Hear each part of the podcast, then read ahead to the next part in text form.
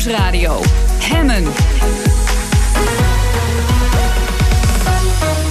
Matroos. Welkom bij Hemmen, uw dagelijkse deep dive in het nieuws. Het is vandaag een feit, de overname van Monsanto door Duitse chemieconcern Bayer. Maar liefst 53 miljard euro betalen de Duitsers voor de Amerikaanse producent van zaden en bestrijdingsmiddelen. En de allereerste actie van Bayer, de naam Monsanto, gaan ze schrappen. Te gast is uh, Michel Haring, hij is hoogleraar plantenfysiologie aan de Universiteit van Amsterdam. Van harte welkom. Welk belletje gaat er bij u rinkelen als u hoort die naamswijziging? Hadden ze al eerder bekendgemaakt overigens, maar vandaag wordt alles een feit. Nou, het, het, is wel heel opvallend dat Monsanto wegvalt. Het was natuurlijk een, een goed merk als je aan de kant van de producenten stond en aan de kant van de geldverdieners. Maar het was ook een, een merk waar uh, heel veel om te doen was. Uh, de March Against Monsanto werd ieder jaar gehouden. Nou, als Bayer iets wil met uh, ja, het, het eigendom, dus met de, met de spullen die ze nu kopen, dan is het heel verstandig om die naam kwijt te raken. Want dan ben je van die last ben je in ieder geval af. Het is een hele grote stap om zo'n naam te wijzigen. Dat kost ongelooflijk ja. veel geld. Hè, want het zit in de beeldmerken die je ja. gebruikt. En ja, van alles moet je omzetten. Dat doen ze dus niet zomaar. En dat heeft alles te maken met het negatieve imago rondom Monsanto. Voor de mensen die niet helemaal in dit dossier zitten, ja. neem ons nog even mee wat de grootste problemen zijn. Dat negatieve imago. Waar komt dat vandaan? Ja, Monsanto is een bedrijf wat zowel bestrijdingsmiddelen maakt of uh, gewasbeschermingsmiddelen, zoals zij dat uh, eufemistisch noemen en de zaden die daar tegen dat soort middelen kunnen. Uh, Roundup Ready soja wordt er dan uh, vaak genoemd. Dus in, uh, in gebieden als Zuid-Amerika worden nu sojabonen geteeld van dat bedrijf. En daar wordt het gif Roundup gebruikt. Um, en dat is een hele lucratieve business. Want je verkoopt en de zaden en je moet het middel erbij kopen. Dus Monsanto heeft de afgelopen tien jaar met dat product alleen al uh, ontzettend veel verdiend. En de vraag is dus als je een, uh, een andere producent van middelen, zoals Bayer, die maakt niet alleen geneesmiddelen, maar ook dit soort gewasbeschermingsmiddelen. En die deed ook wat in de zaadveredeling. Als je die bij elkaar brengt, krijg je dan niet een monopolie. Waardoor zij bepalen wat wij gaan eten.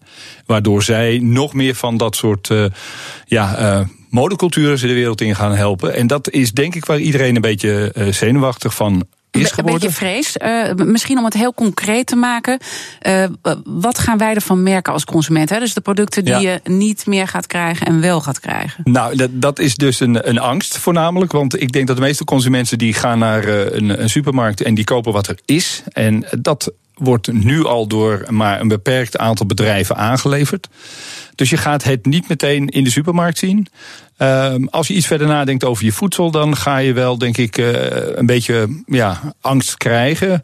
Want uh, willen wij nog meer van dit soort chemie in de wereld? Willen wij nog meer landbouwgronden vernietigen omdat er gewoon geld mee te verdienen is. Dus dat is de angst die wij als consumenten hebben. Niet dat wij. We merken geen... het niet op dit moment, nee, maar nee. we zouden er wel uh, bevreesd voor moeten zijn. Want waar bent u bang voor? Uh, voor heel weinig. Zeker niet voor. Uh, nou ja, het, ik ben blij dat Monsanto uh, in die zin als naam verdwijnt. Want het zet ook de hele plantenbiologie in een heel raar daglicht. Um, en ik denk dat, dat, ja, dat waar ik uh, blij ben dat men in ieder geval als mededingingsautoriteit op gehamerd heeft, is dat de kennis die Bayer had in ieder geval naar een concurrent moest, zodat er nog concurrentie is, zodat er nog diversiteit is. Ja, dus, ze hebben een aantal onderdelen moeten afstoten. Ja, voor 7 miljard moesten ze verkopen aan uh, hun concurrent uh, BASF.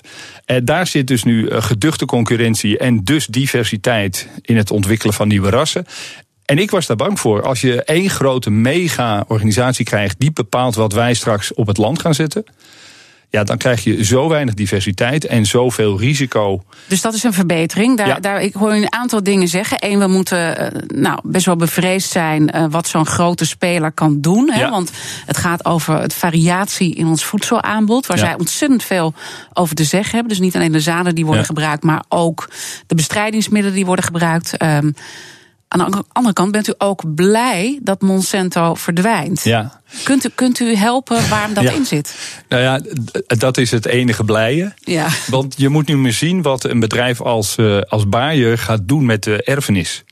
Eh, Monsanto heeft tienduizenden patenten op het gebied van gewasbeschermingsmiddelen en zaden.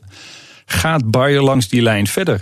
Uh, het eigendom krijgen van gewassen. Want dat is een van de grote verschillen tussen Bayer en Monsanto. Dat Monsanto zich inzette voor het eigendom krijgen van een tomaat, sojaboon, maisplant. Dat was hun eigendom. En dan, ja, dan kan de wereld in een open source dus niet meer vernieuwen, want die mais gaat uit het publieke domein. Dat wil je niet. En dat is de grote vraag. Dus, Want waarom is het zo erg als we die mais niet meer kunnen vernieuwen? Nou ja, vernieuwen, uh, wij veredelen constant. Hè. Dus nieuwe rassen hebben we nodig, want er verandert in droogte, temperatuur, stress, insecten, noem maar op. Van verandert van alles. Nu doen we dat in een soort open source community. Nog steeds is er competitie mogelijk. Maar als een bedrijf als Monsanto zegt: Dit is mijn mais, dan mag je niet aankomen. En er zitten hele interessante eigenschappen in dan valt het dood. Dus dan kunnen anderen die misschien een suikermais maken of een snijmais maken, kunnen daar niet mee verder. En dat is gevaarlijk, want dan krijg je maar één soort en er is één iemand die bepaalt. En dat wil je niet. Dat wil je niet. En ook omdat gewoon uh, alles verandert om ons heen, heb je innovatie ook nodig uh, als het gaat om de hele voedselketen. Uh, dus, dus daar blijft u toch wel bevreesd over dat we zo groot spelen. Aan de andere kant gaat het nu naar een Europees ja. bedrijf die meer inzet op samenwerking. Terwijl Monsanto een Amerikaans ja. bedrijf was, die allemaal met die eigendomsrechten zaten en ja. met allerlei topadvocaten die de hele boel lam legden. Heeft u vertrouwen dat we de Europese kant van samenwerking opgaan? Nou, echt, ja. Weet je, uh, je moet altijd positief uh, staan uh, tegenover dit soort dingen. maar dat, dat is dus het spannende gedeelte hier. In welke kant gaat de, de wijze doorslaan? Gaat hij naar de Amerikaanse methode en komt hij nu naar Europa? Of gaat de Europese methode toegepast worden op de kennis die Monsanto al heeft? Dat is het spannende. En, Durft u een inschatting te maken? Want op wat voor signalen let u?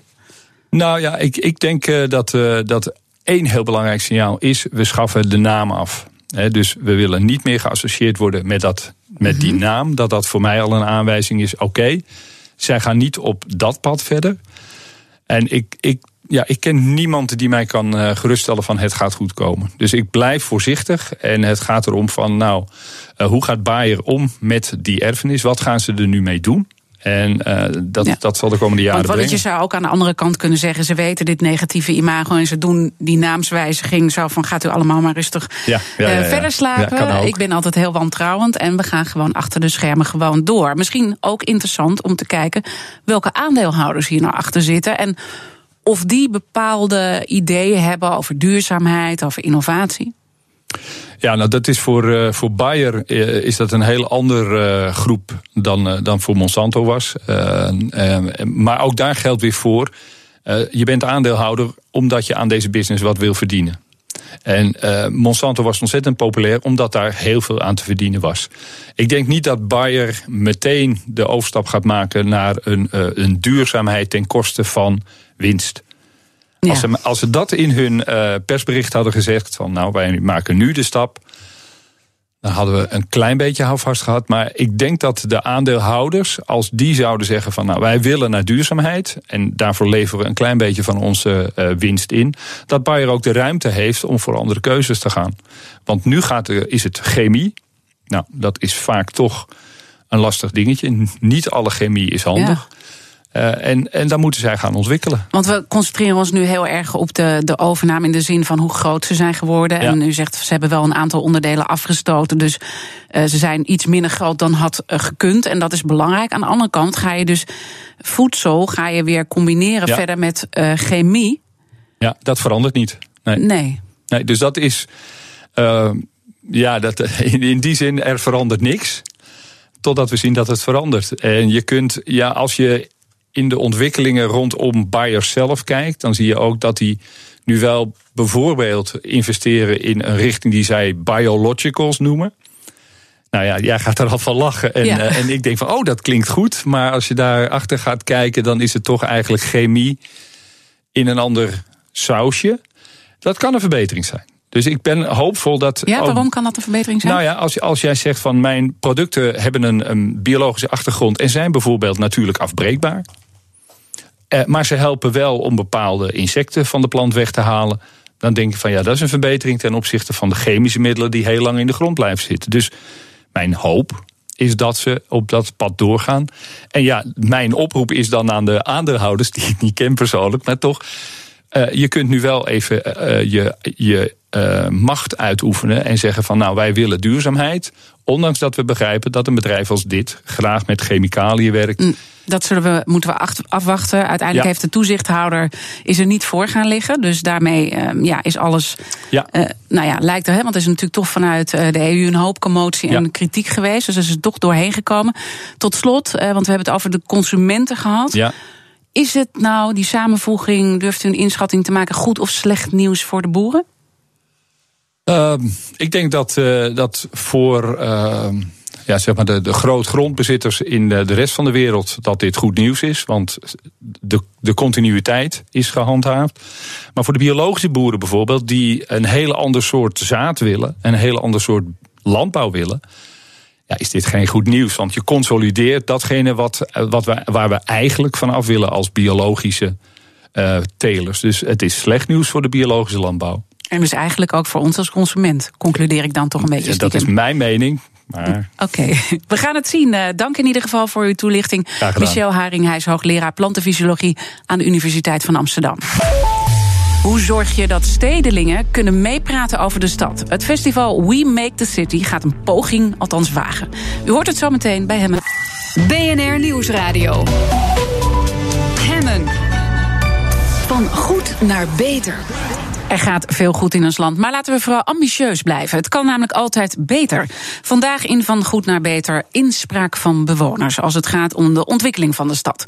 Tijdens de eerste editie van het Amsterdamse We Make the City Festival is het daadwerkelijk betrekken van burgers de bedoeling. Inwoners van de stad gaan namelijk om tafel met ondernemers, ambtenaren, projectontwikkelaars. En ze werken dan samen aan een betere stad. Ik ga erover praten met Egbert Fransen van Pakhuis de Zwijger. Hij is namelijk een van de organisatoren van dit festival. En jullie zeggen dat dit festival bedoeld is om de stad beter te maken. Hoe kan een festival een stad beter maken? Ja, eh, wat je zegt, ambitieus. Uh, maar het is een eerste stap, dit is een eerste editie. Ehm, en, we zijn al lang met heel veel partijen uh, in, in Amsterdam en de metropoolregio in gesprek hoe je niet alleen maar vanuit de institutionele wereld eh, naar die stad moet kijken en naar de verbetering of verandering in de stad, maar hoe je dat met eigenlijk heel veel verschillende partijen moet doen. En daar zijn de burgers, de bewoners, de ondernemers in de stad een belangrijk element in, die denk ik de afgelopen jaren hier in ieder geval te weinig zijn gehoord.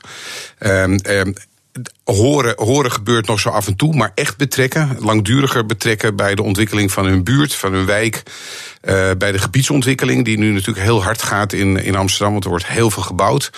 Uh, er wordt heel veel uh, gebied getransformeerd, zoals dat zo heel mooi heet.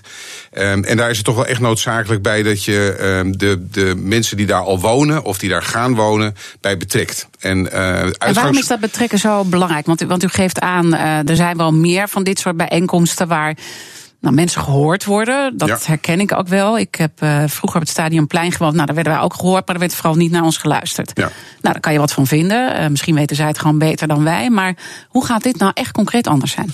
Ja, dat zijn, dat zijn de beroemde inspraakavonden. En dan heeft eigenlijk de gemeente het allemaal al bedacht. Zie heel en dan, veel boze mensen en het haalt niks uit. Precies, en dan organiseer je eigenlijk al je eigen tegenstand ook als, uh, als overheid uh, zijnde. En je ziet wel een trend ingeslagen. Is eigenlijk in de crisistijd uh, begonnen. toen was er even geen geld. En toen was er eigenlijk veel minder regie en veel minder dominantie op dat moment van, van onder andere de gemeente, de grote bedrijven, idem dito. en toen zag je eigenlijk in al die buurten en wijken een, een beweging opkomen ja, van onderaf bottom-up eh, beweging van burgers die zeiden van nou, maar wij willen iets en daar gaan we niet op zitten wachten, maar we gaan het zelf doen. Nou, nu zijn we inmiddels uit de crisis, maar die beweging en die energie zit nog steeds in die stad. En er zijn inmiddels wel, denk ik, voldoende voorbeelden van hoe je samen stad kunt maken. Noem eens een ehm, voorbeeld. nou, een mooi voorbeeld is, uh, is, is de wijk uh, Buiksloterham in, uh, in Amsterdam Noord. Een, een gebied wat dicht tegen de NDSM-werf aan de ene kant aan ligt en aan de andere kant over Hoeks, waar de pont van het CS aankomt. Mhm. En dat gebied is, is een zogenaamd transformatiegebied. Is uh, oude, veel oude industrie daar. Het lag dicht tegen de uh, oude scheepswerf aan. Dus dat was uh, faciliterende industrie die daar zat. En daar moest een nieuwe wijk gebouwd worden. In de crisistijd lag het allemaal stil. En toen is er een nieuwe dynamiek ontstaan.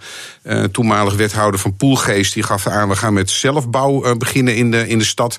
Dus dat trok een, een, een groep nogal op innovatie gerichte en op duurzaamheid gerichte uh, uh, bewoners van de stad die kant op, op zoek naar een nieuw huis.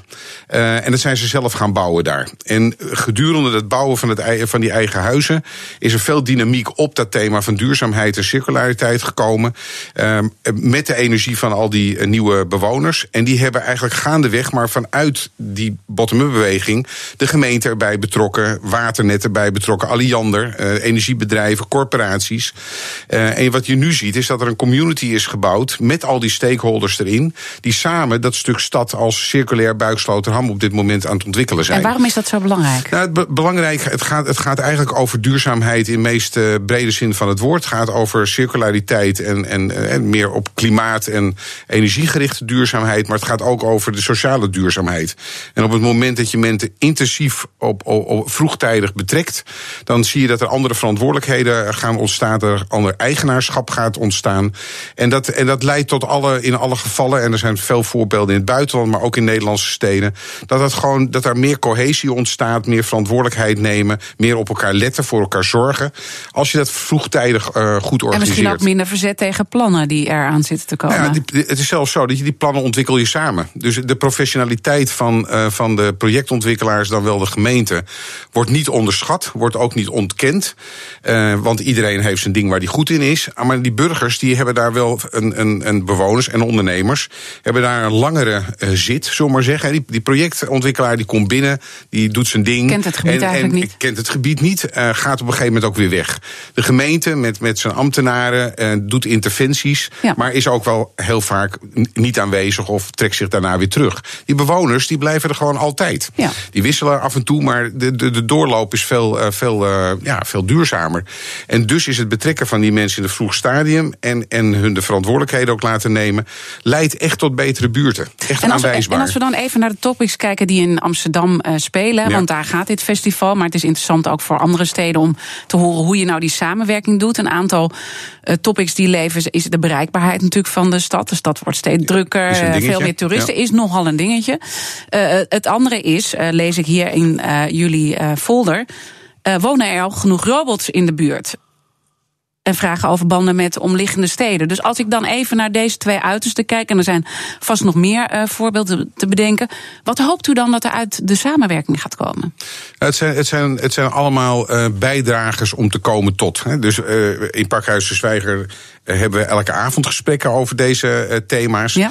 Maar het organiseren van zo'n festival, wat overigens niet uit de lucht is komen vallen, want Even de aanleiding daarvan was dat Amsterdam twee jaar geleden in Brussel uh, de zogenaamde iCapital Award uh, gewonnen heeft. Innovatiehoofdstad van Europa. En die, dat, uh, die award is daar gewonnen vanwege de manier waarop we hier in Amsterdam innoveren. En het is de zogenaamde Amsterdam ja. Approach, althans zo hebben we het genoemd. Dus een logisch vervolg. Maar ik wil ja. toch graag naar het concrete niveau. Wat zou er nou uit die samenwerking kunnen komen? Wat belangrijk is voor Amsterdam. In, in, Behalve dus. Uh, ja. ja. intensievere samenwerking. Maar voordat je dat kan doen, die intensievere samenwerking, moet je dingen ook zichtbaar maken. En daarvoor is dit festival bedoeld om aan de hele stad, dus niet alleen maar aan de niche-players die altijd al aan tafel zitten, maar aan de hele stad ja. te laten zien dat er A heel veel gaande is, dat er heel veel mogelijk is. En dat je je daar dus zelf ook bij uh, kan aanmelden en kan zeggen van ja, maar ik, ik heb ook ah, iets te dus melden. het moet dus uiteindelijk nog een vervolg krijgen. Want ik, ik las een aantal, uh, u verwacht best wel veel deelnemers. Hè, tussen de, nou ja, zo'n tussen de 10 en 30.000 deelnemers. Dat is mm -hmm. trouwens wel een groot uh, spanningsveld. Maar goed, uh, er komen in sommige gevallen aan het weer. Ja, oké. Okay. er komen in ieder geval veel mensen. Maar ik zie dat die mensen gaan, ja, wat is het? Gaan fietsen in de buurt. Een soort Nemo, maar dan onderweg met, de, met de fiets. Daarmee praat je nog niet mee eigenlijk met de grote projectontwikkelaars, toch? Nee, dus er zijn, er zijn verschillende onderdelen van het programma. De eerste drie dagen gaat het heel erg intensief over, over het intensieve met elkaar in gesprek gaan. Dat doen uh, uh, professionals met elkaar, maar ook in de gebieden die vooral in ontwikkeling zijn nu op dit moment.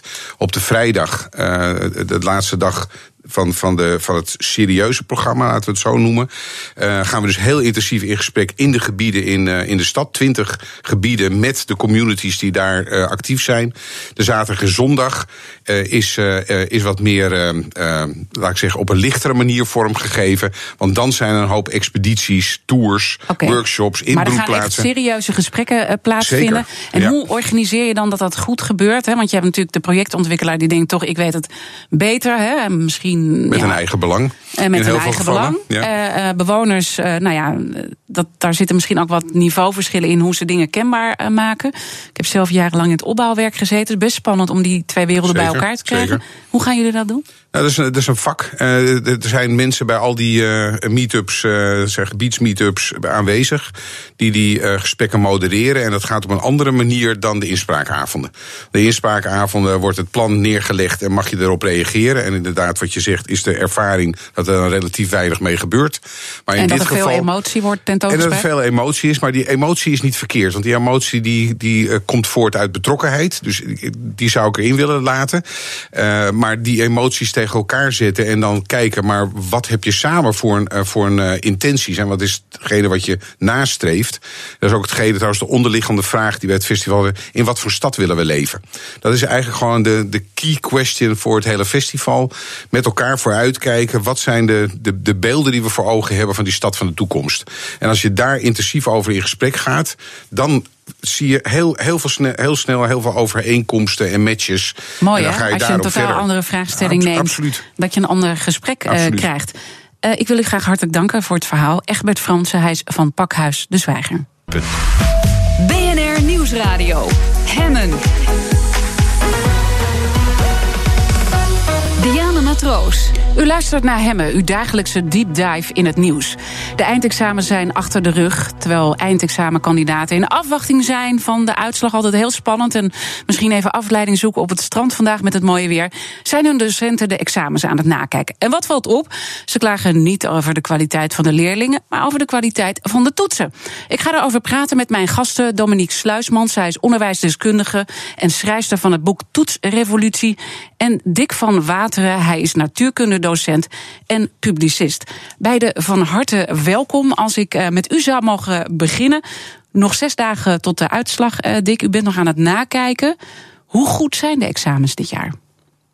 Nou, ik ben inderdaad met de tweede correctie bezig. En het is niet helemaal waar dat het eindexamen helemaal voorbij is. Want er is nog een herkansing natuurlijk. Hè. Dus er zijn ook nog leerlingen die het nog een keertje over mogen doen. Ja, ik ken het zelf nog heel goed, want ik moest daarvan gebruik maken. Dus ik weet hoe belangrijk dat ja. is. Maar dat terzijde. Goed, nee, dus eigenlijk nog aan het drama is nog geen eind. Uh, we zijn nog uh, volop uh, aan het werk. En volop in discussie ook met onze tweede en eerste correctoren. Um, ja, hoe goed zijn de examens, vroeg je. Um, ik zou zeggen niet goed genoeg. Niet goed genoeg. Nee, en ik zie u ook met de mimiek. Hè. Niet iedereen kan dat meekrijgen. Ja. Wel de mensen die via de livestream. Maar uw mimiek is misschien nog duidelijker. Het valt echt. Nee, ik ben uh, er niet heel blij mee. Niet nee, mee. Um, ik moet wel zeggen, kijk, twee jaar geleden hebben we een, uh, een, een, aantal stukken geschreven. waarin we een inventarisatie hebben gemaakt van de examens toenertijd. Dus precies twee jaar geleden. En daar kwamen vreselijk veel berichten binnen van docenten die ontevreden waren. of zelfs heel erg boos over de kwaliteit van de examens. En uh, een aantal dingen valt dan op. Behalve dat examens vaak te lang zijn, kinderen daardoor in de stress raken enzovoorts. Dit jaar was er ook een bericht van een meisje dat over haar medescholier had gekotst. En van de stress? ja, van de stress. Dus we horen punt? van mijn kinderen die Ja. huilend weggedragen worden enzovoort. Kinderen die flauw vallen. Nou, al dat soort dingen, dat is natuurlijk vreselijk. Um, Maar het belangrijkste punt. het belangrijkste punt is gewoon onze vraag: uh, toetst het wat het moet toetsen? Namelijk gaat het echt over het vak? En om een paar voorbeelden te noemen: uh, bij de talenvakken is het centraal examen uh, gaat over de tekstverklaring, dus tekstbegrip. dat is één van de vier onderdelen die getoetst moeten worden. De andere drie onderdelen worden getoetst bij het schoolexamen. En maar het schoolexamen telt voor 50% mee. Dus je telt, je hebt dus één onderdeel wat, uh, wat voor 50% meetelt en de andere drie samen ook voor 50%. En het gaat misschien niet zozeer of je de inhoud goed kent, maar of je goed kunt tekstverklaren. En dat is Waar echt het op- wel ja, waar het heel op lastig voor sommige eigenlijk leerlingen. is, het is een aantal kunstjes die we onze kinderen leren. We trainen ze eigenlijk voor dat examen. En, en als je nou maar gewoon die kunstjes doet, dan haal je wel een voldoende. Maar dat heeft me eigenlijk met het vak heel weinig uitstaan. Dat, dat lijkt me ernstig. En dit is trouwens ook al heel lang het geval. Laat ik even naar Dominique gaan, want u heeft uh, onderzoek ook hier naar, naar, gedaan. Ik noemde net ook al even het boek dat u heeft geschreven. Komt dit overeen met het beeld dat u heeft als het gaat om de toetscultuur? Ja, dan moet ik wel even ook het onderscheid maken dat het eindexamen echt gaat om het komen tot een, ja, wat we noemen een summatieve beslissing. Dus of iemand een diploma krijgt of niet. Terwijl ik vooral onderzoek doe naar van hoe je ook al tijdens het onderwijs, eigenlijk in de dagdagelijkse onderwijspraktijk, met leerlingen zo aan de slag kunt gaan dat je ook al veel informatie krijgt over hoe ze het doen en wat ze al, eh, wat ze al kunnen. Uh, ik herken inderdaad wat Dick schetst over de eindexamens.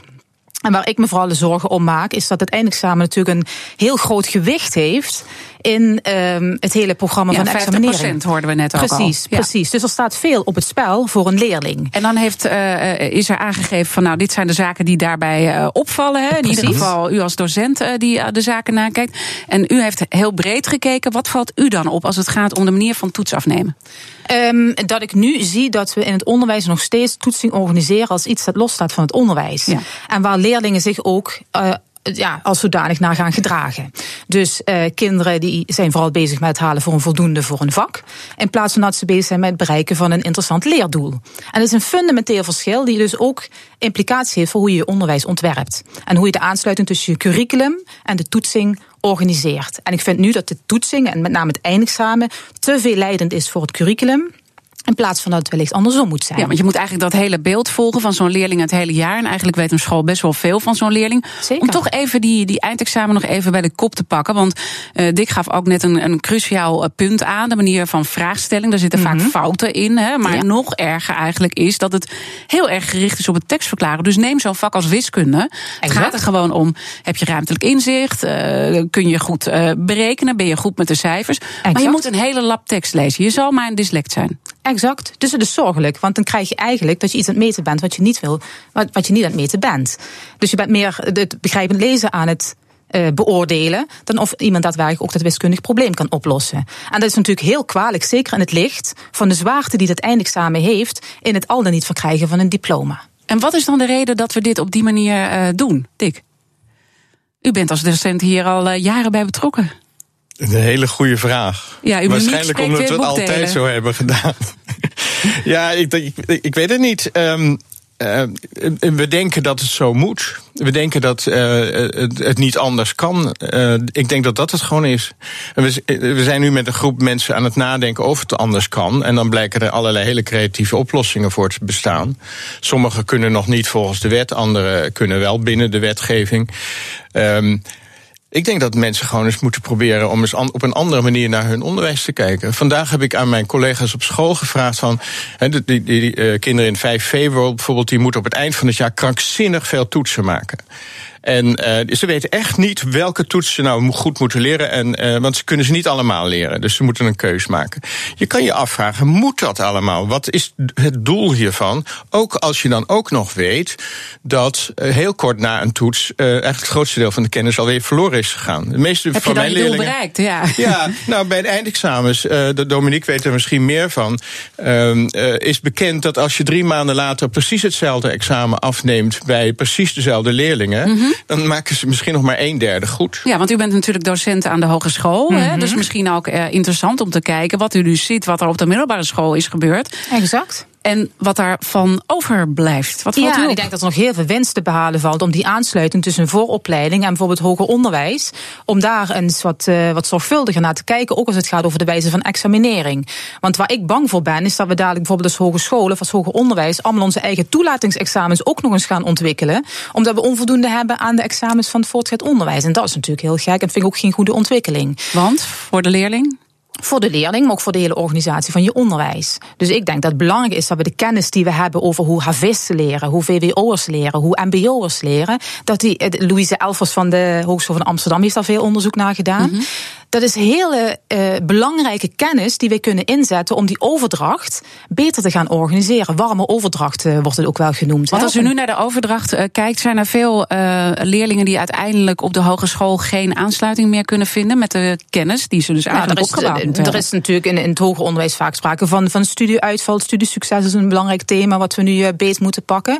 En ik denk dat de, met name die aansluiting, dat we de kennis die we daarover hebben, veel meer kunnen benutten om wellicht daar iets ook aan te kunnen doen. Ja. En ik denk dat nu ook veel leerlingen een eindexamen ervaren als een van oké, okay, dat is ja, klaar, we sluiten het af. Zo organiseren we het ook.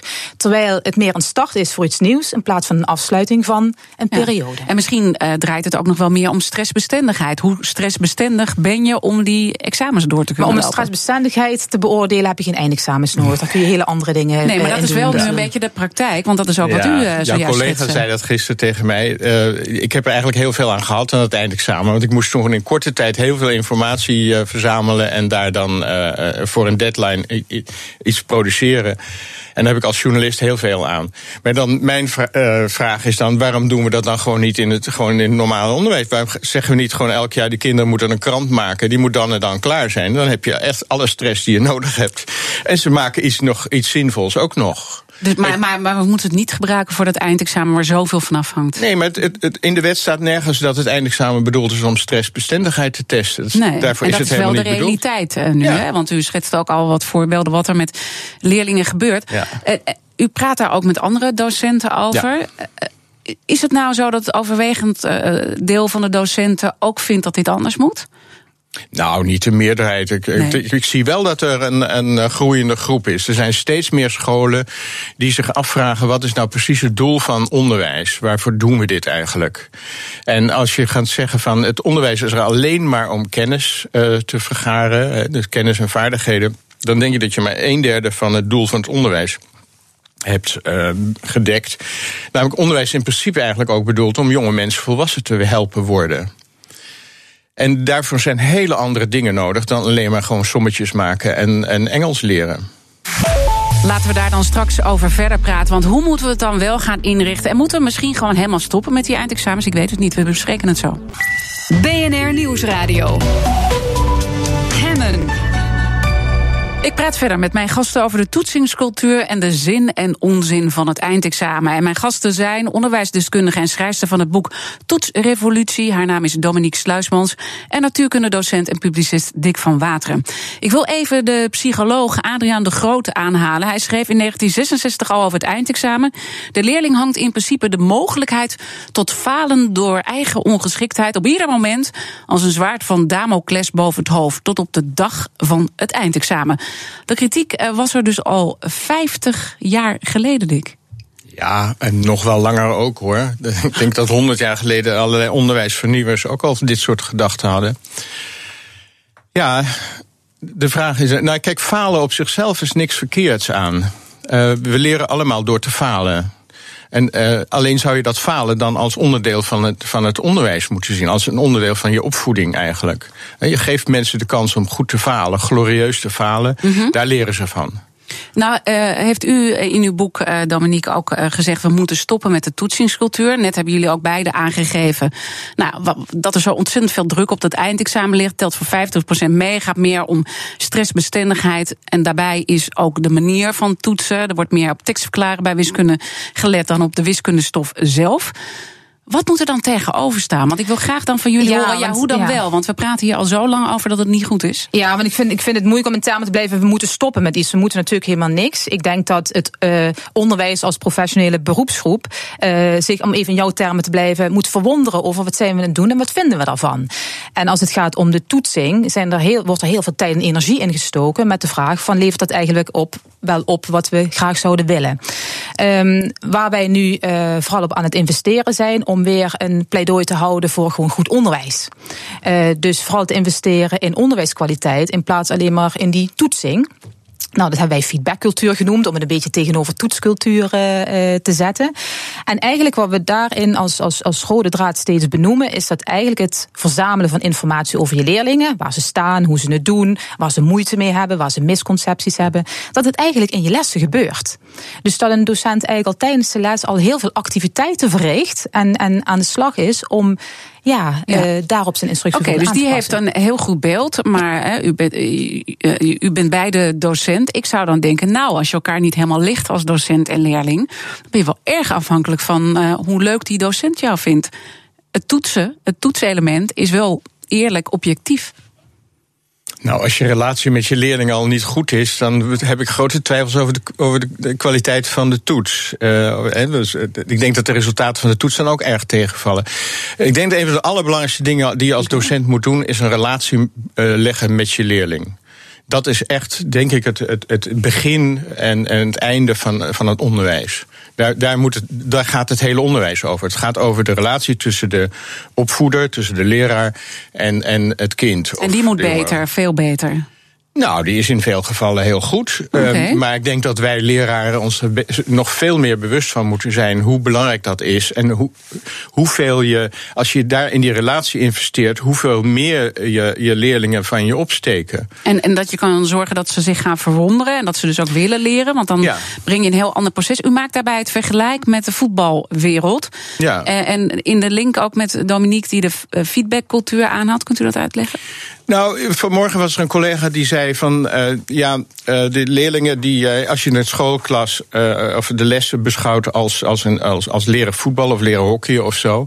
de, de, kinderen trainen niet. En die verwachten dan dat ze dan bij de wedstrijd, hè, dus de proefwerk of het examen, dat het dan plotseling goed gaat. Maar je kan je natuurlijk afvragen waarom leren, waarom trainen de leerlingen niet bij jou in de les? Misschien vinden ze jouw les wel helemaal niet interessant genoeg, of, of gaat het over dingen die, die voor hun niet relevant zijn. Misschien moeten we daar naar kijken. Dus het gaat er inderdaad om. Ik, ben, ik vind een van de belangrijkste dingen van het boek Toetscultuur is dat het je handvaten geeft om toetsen te gebruiken en dan formatieve toetsen, dus toetsen om te leren, om, om de kinderen inderdaad te helpen te, beter te leren, meer, meer op te steken, meer en dat, en, en dat die kennis dus ook erin blijft. En dat je niet alleen even snel leert Ja. voor het eh, eindexamen. Ja, en dat ben vloep, die ja. kennis in één keer weg is. Ik ben heel blij dat je ook Adriaan de Groot even aanhaalt. Want hij, hij, wat, wat, wat hij graag wilde, is dat een leerling niet meer de dupe is van de subjectiviteit van een docent. Dus dat je bij docent A het wel makkelijk haalt en bij docent B dan krijg je natuurlijk iets heel geks. Precies. Ehm, alleen zie je dat de standaardisatie die dat tot gevolg heeft gehad, hè, eh, de CITO-toetsen zijn gekomen, omdat hij graag wil dat iedereen gelijke kansen kreeg in, het, eh, in, de, in de vormen van toetsen en de beslissingen nemen. Ehm, eh, En hoe zorg je dan voor dat die leerling, om, om tot een slotsom te komen, Mhm. dus nog wel eh, nou ja, die eerlijke kans heeft en dat iedereen gelijk behandeld wordt, maar dat we wel op een betere manier leerlingen gaan toetsen, zoals u wil? Ehm, dat we eh, A, uitgaan van de doelen van het onderwijs en niet vanuit, vanuit de toetsen. En eh, dat we daarin continu eh, strategieën inzetten die een, een docent en een leerling ondersteunen om met dat leren bezig te zijn. Eén concreet voorbeeld, want dit is nog heel erg hoog over. Ehm, door bijvoorbeeld in je lessen continu te werken met bijvoorbeeld voorkennisquizjes. Om eh, even te kijken van waar staan mijn leerlingen en daarin contact met je leerlingen te houden. Want feedbackcultuur gaat eigenlijk vooral om je leerlingen aan boord houden. En zorgen dat ze zin blijven houden in leren. En het eindexamen helemaal afschaffen? Nou ja, afschaffen is een beetje kind met badwater ingooien. Ik denk dat we eerst verder moeten gaan met de discussie die we nu hebben ingezet. om kritisch te zijn over wat we aan het doen zijn. En ik denk dat dat een eerste belangrijke stap is. En dan praten we graag een keer met jullie verder over dit eh, belangrijke topic voor de leerlingen en de toekomst eh, van Nederland natuurlijk ook uiteraard. Dominique Sluisman, zij is onderwijsdeskundige en schrijfster van het boek Toetsrevolutie. En Dick van Wateren, natuurkunde docent en publicist. Buitenlandse zaken. Intussen is defensiespecialist Peter Weininga bij mij aangeschoven. En hij pikt om de week een onderwerp uit het buitenlandse nieuws. Vandaag met een duidelijke Nederlandse link. Het kabinet overweegt nog eens 20 tot 40 commando's naar Afghanistan te sturen. Op wiens verzoek zou dit gebeuren? Dat is op verzoek van de Verenigde Staten. Eh, die eh, zijn bezig de eh, operatie in Afghanistan wat uit te breiden. Hebben daar meer mensen voor nodig. En hebben de bondgenoten verzocht om eh, daaraan bij te dragen. En wat zouden zij dan daar moeten gaan doen? Wat is de gedachte achter deze uitbreiding? Ja, dat is nog een beetje onzeker, want het kabinet heeft het formeel nog niet aangekondigd. Hè. Er is sprake van. Eh, het kabinet schijnt ook nog niet helemaal eh, op één lijn te zitten hierover. Eh, maar ze zullen in ieder geval zich gaan bezighouden met het trainen en opleiden van Afghaanse speciale eenheden. Dus niet de doorsnee soldaten, maar toch wel een stapje hoger. En is dat dan een goed idee eh, als u kijkt naar de ontwikkelingen die we nu zien daar in het gebied? Als je een beetje uitzoomt, eh, zeg maar, van eh, puur die sect die militaire bijdragen, dan gaat het op dit moment natuurlijk niet goed in Afghanistan. Er is van alles aan de hand. En de reactie die blijkbaar automatisch in het Westen dan is, meer soldaten er naartoe, dan komt alles goed. Ehm, maar inmiddels denk ik dat we eh, in een situatie zijn beland waarin heel duidelijk wordt dat hoeveel soldaten je daar ook inpompt, je gaat die Taliban nooit helemaal verdrijven uit Afghanistan. En het omgekeerde is ook waar. Ook de Taliban gaat nooit heel Afghanistan meer veroveren. Met andere woorden, er zit een soort padstelling in waar je uit eh, zou moeten breken. En dat eh, doe je niet, denk ik, door nog meer militairen te gaan sturen. Hoe dan wel? Ik denk dat je naast de militaire aanwezigheid die er natuurlijk is, uh, moet gaan kijken naar hoe de Afghaanse bevolking hierin zit. En dat wordt de laatste tijd steeds meer duidelijk. Dat die de oorlog meer dan zat zijn. Het duurt al eigenlijk 40 jaar, sinds de inval van de, van de Russen in 1979. En, um, uh, en die ontwikkelen ook steeds meer eigen initiatieven van onderaf, heel lokaal, om, om een einde te maken aan, aan, ja, aan deze situatie. En ze komen steeds vaker ook bij elkaar, lokaal, om daarover te spreken. En uh, eigenlijk geeft u aan van het is heel erg belangrijk om dat op te pakken. En daar is een kans voor Nederland om daar ook iets te koppelen aan die uitbreiding nou, van militairen. Dat zou mooi zijn. Kijk, Nederland wil natuurlijk graag uh, uh, aan de wens van zijn grootste bondgenoot voldoen. Dus uh, inderdaad denk ik dat er wel enkele tientallen commando's uiteindelijk die kant op gaan. Maar het zou mooi zijn als Nederland dat zou verbinden aan een voorstel in de Veiligheidsraad, waar, waar Nederland dit jaar deel van uitmaakt. Met andere woorden, Nederland heeft een unieke kans op dit moment om juist dit soort grassroots initiatieven, zoals die zich nu voordoen in eh, door heel Afghanistan heen overigens, uh, op te pakken, te faciliteren en, en ja, dat proces uh, te begeleiden. Waardoor er mogelijk een kans op vrede is. Dus eigenlijk een vredesproces in te starten? Ja. dat zou heel erg belangrijk zijn. Daarmee aansluitend op lokale initiatieven. Ja. De Taliban moet je daar dan ook bij betrekken? Ja, Kijk, de Taliban maakt natuurlijk voor een belangrijk deel, er zitten ook buitenlanders bij, maar voor een belangrijk deel ook deel uit van de Afghaanse bevolking. Dus als de Afghaanse bevolking duidelijk laat merken, en dat gebeurt steeds meer op een, ja, op steeds meer uitgebreide schaal, dat men de oorlog zat is, dat men wil dat de Taliban stopt met vechten, en dat wordt dan vastgekoppeld, zodat de buitenlandse militaire aanwezigheid kan worden afgebouwd. Um, dan, ja, dan zal de, uiteindelijk de Taliban daar zelf ook aan moeten geloven. En de Taliban heeft ook al aangegeven diverse malen in het verleden dat ze vrede willen, dat ze willen onderhandelen met de Amerikanen. Alleen dan kom je weer in een proces op hoog niveau, mm -hmm. wat meteen nationaal moet worden uitgerold. En maar, de, maar zeer de vraag is of het ook daadwerkelijk gaat werken. Omdat de Taliban onderling uh, niet eens gezind is, uit heel verschillende groepen bestaat, de bevolking uit heel verschillende groepen uh, bestaat en stammen met allemaal eigen wensen en, en, en, en, en eigenschappen. Uh, dus uh, ik denk dat het meer kansen zou hebben dan juist die lokale initiatieven zeg maar, te faciliteren. Dat betekent ook voor buitenlandse troepen dat ze zich redelijk terughoudend moeten opstellen. Dat ook de kans moeten geven. Ja, en dan maar eens kijken uh, hoe dat gaat lopen. Dus in dat hele spanningsveld, we moeten tot een slot, uh, slotsom komen. Ja. Uh, is het dus wel heel spannend om dit voor elkaar te krijgen. Maar ja. toch denkt u dat dit het moment is om aan te grijpen. Vanwege al die lokale initiatieven ja. die er al zijn. De bevolking is het gewoon zat. deze situatie die er nu al jaren heerst. Zijn er al lichtpuntjes, al voorbeelden waaruit blijkt dat dit ook werkt? Nou ja, er, er, zijn wel wat initiatieven geweest in het verleden, in 2010, uh, in Helmand, in de provincie Helmand. Waarbij het eigenlijk bijna zover kwam dat men een soort van lokale vredesovereenkomst had. Maar dat werd eigenlijk een beetje bedorven door Amerikaanse commandanten, die meteen zeiden: ah, de Taliban heeft zich dus overgegeven. Ja, en dat is toch tegen het zere been van Taliban-leiders. Er was helemaal geen sprake van overgave. Dus dat overleg raakte in het slop en het is ook mislukt. Je moet dus ook zorgen dat je je, je de tegenpartij, in dit geval de Taliban, in zijn waarde laat. En uh, ja, dat zou denk ik beter kunnen geschieden als je dat lokaal laat gebeuren door uh, lokale bevolking. Maar dat is dus het gevoelige punt dat je eigenlijk uh, de Taliban serieus moet gaan nemen, ja. eisen moet gaan inwilligen, terwijl je ja. dat eigenlijk niet wil. Nou, dat, dat is het lastige. Inmiddels wordt wel breed erkend, ook door de Amerikanen, dat je met de Taliban moet gaan praten. Uh, dus met andere woorden, uh, dat besef is er wel. Uh, en dat betekent natuurlijk ook dat het niet zomaar kan zijn dat je een heel eisenpakket bij de Taliban neerlegt en dan maar verwacht dat ze hun wapens neerleggen en vertrekken.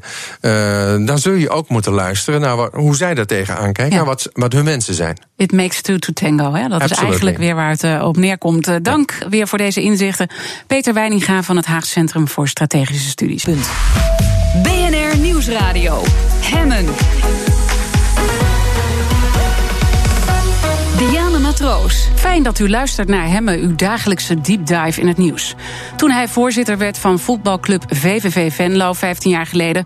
was een faillissement van de club net afgewend. En nu is het een financieel gezonde club. Mijn gast is Hai Berden. Van harte welkom. Intussen werken ze toe naar een seizoen zonder u. Hoe valt dat voor u? Ja, dat is toch even wennen natuurlijk. want je bent al die tijd toch wel betrokken geweest bij ook de voorbereiding. maar goed, op enig moment moet je het wel los kunnen laten. En dat doe ik dan ook. U doet dat dan ook, maar het lijkt me wel heel raar en heel lastig om je er niet mee te bemoeien. Eh, dat is aan de ene kant is dat ook zo. Nu is het wel zo dat uh, op dit moment dat ik nog wel word geraadpleegd over bepaalde zaken. Je, je hebt inderdaad toch wel een brok uh, ervaring wat dat betreft.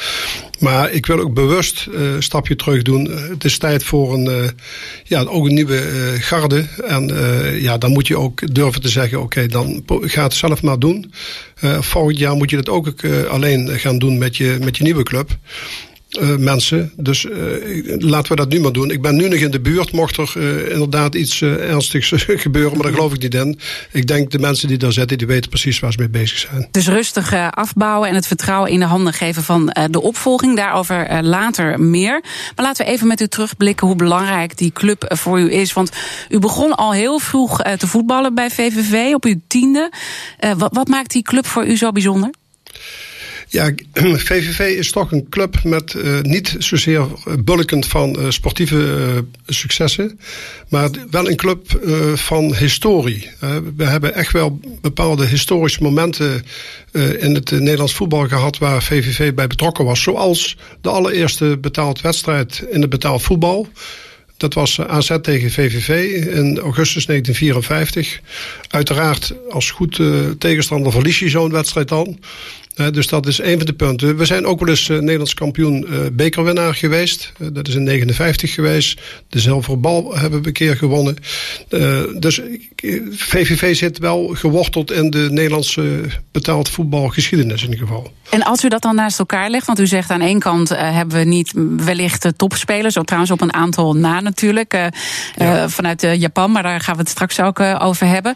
aan de andere kant toch echt een belangrijk onderdeel van Nederland, van de Nederlandse voetbalcultuur.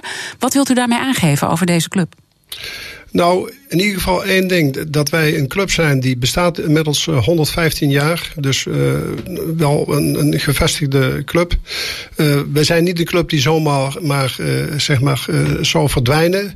dat, dan, dan was dat tussentijds ook misschien wel een keer gebeurd. Dus het is wel een steady club. En ik denk dat VVV ook een club is met een bepaalde cultuur. Een cultclub. we hebben bijvoorbeeld de langste trap van, van Europa. dus waar die eigenlijk door iedere speler, vooral bezoekers, uh, die verketteren die trap. Want je moet hem af, je moet hem op, je moet hem weer af. Ja. ja. Dus je moet zes keer uh, per wedstrijd moet je hem af, op, uh, of op. dat zijn wel dingen die, die, die geven je wel een bepaalde positie in het betaalde voetbal. Want, want, want wat is dan de positie waar u op doelt? Want dat probeer ik nog uh, te achterhalen bij u. Ja. Nou, een, een, in ieder geval een, eh, een club waar het niet uh, alleen maar gaat over sportieve successen. Maar ook waar het ook gaat om een stuk fatsoen in de club, rust in de club. waar mensen zich thuis voelen, die ook sfeervol is. Ja. Waar spelers, als ze weggaan, dat ze zeggen: Nou, dat was in ieder geval een club waar ik goed ben opgevangen en waar ik mij thuis voelde. Voor de kleine clubs is het natuurlijk lastig om financieel gezond te zijn. VVV bevindt zich in categorie 3. Dat is de beste financiële categorie. Dus u laat het eh, bedrijf gezond achter. Zeker als we kijken naar het verleden, een uh, knappe prestatie. Hoe moeilijk is dat als kleinere club? Ja, dat is inderdaad uh, niet makkelijk in ieder geval. Omdat als kleinere club, je hebt natuurlijk een kleiner achterland. VVV heeft een gemiddeld uh, achterland. Daarom vind ik ook dat wij thuis horen in de middenmoot van het betaald voetbal. Dat betekent de ene keer Eredivisie en de volgende keer zit je weer in de Jupiler League. Maar ik vind dat nog niet zo heel erg. Want kijk, als je in die middenmoot zit, dan ben je altijd bezig met of promotie of degradatie. Maar er is altijd wat los. En dat is toch een beetje wat, eh, wat uh, voetballiefhebbers waar ze van houden. Het knokken tegen degradatie. Het, de euforie van, van het kampioenschap.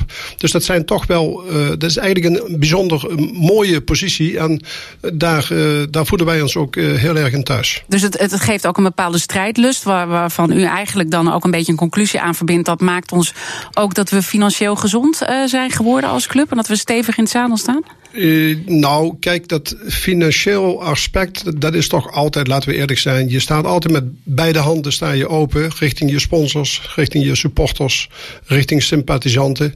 Uh, daar moet je het toch van hebben, want ja, het geld dat moet ergens vandaan komen. En, ja, Televisieinkomsten, die zijn er niet echt natuurlijk. Die zijn er wel, maar dat is natuurlijk Minimaal. beperkt als ja. je dat vergelijkt. Ik zeg als wij tegen Ajax spelen. En we beginnen de wedstrijd, staan we altijd met 7, 8, 1 al, al achter. Alleen al door het feit dat je uh, in verhouding uh, veel minder televisiegeld krijgt. Dus, en terwijl je toch in dezelfde competitie speelt. Uh, dus dat maakt het voor die kleine clubs niet makkelijker.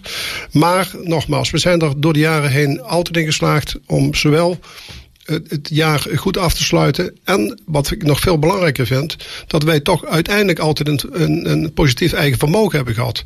Want in, in, in feite is dat het belangrijkste onderdeel dat je in ieder geval niet in schulden zit. En de schulden eindigt. Mm. En daar, hebben we, daar zijn we altijd in geslaagd. U bent natuurlijk ondernemer. U heeft een uh, bedrijf, Seacon Logistics, uh, opgericht. Een internationaal logistiek bedrijf. Uh, loopt ook al jaren. Als u dan naar dat ondernemerschap eh, kijkt binnen deze club, binnen VVV, welke keuzes maakt u als ondernemer om toch financieel gezond te blijven in dus uh, het lastige positie die je als kleinere club verkeert? Nou, het begint natuurlijk met het geld wat je niet uitgeeft. Dat hoef je ook niet binnen te halen. Dus dat begint dus toch op een bepaalde manier heel zuinig uh, werken met de centen die je ter beschikking hebt.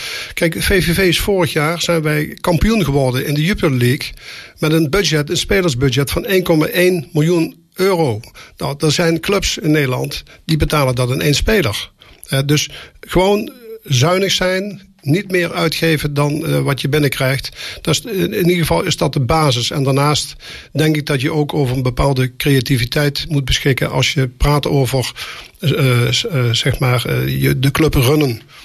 wat VVV heeft gedaan met buitenlandse spelers aan te trekken tegen minimaal geld en die daarna met forse winsten verkopen.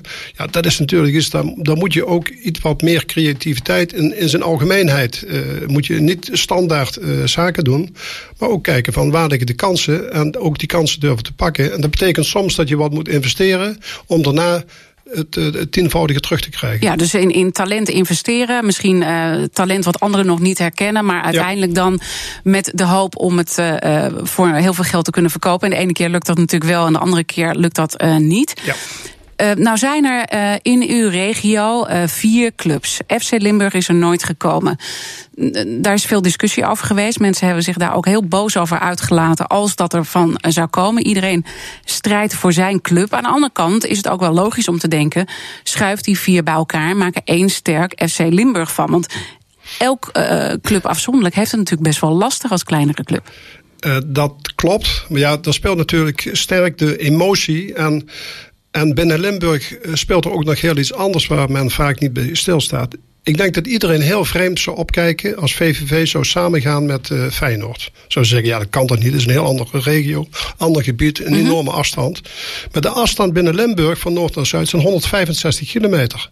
Dat is precies die afstand van Venlo naar Rotterdam.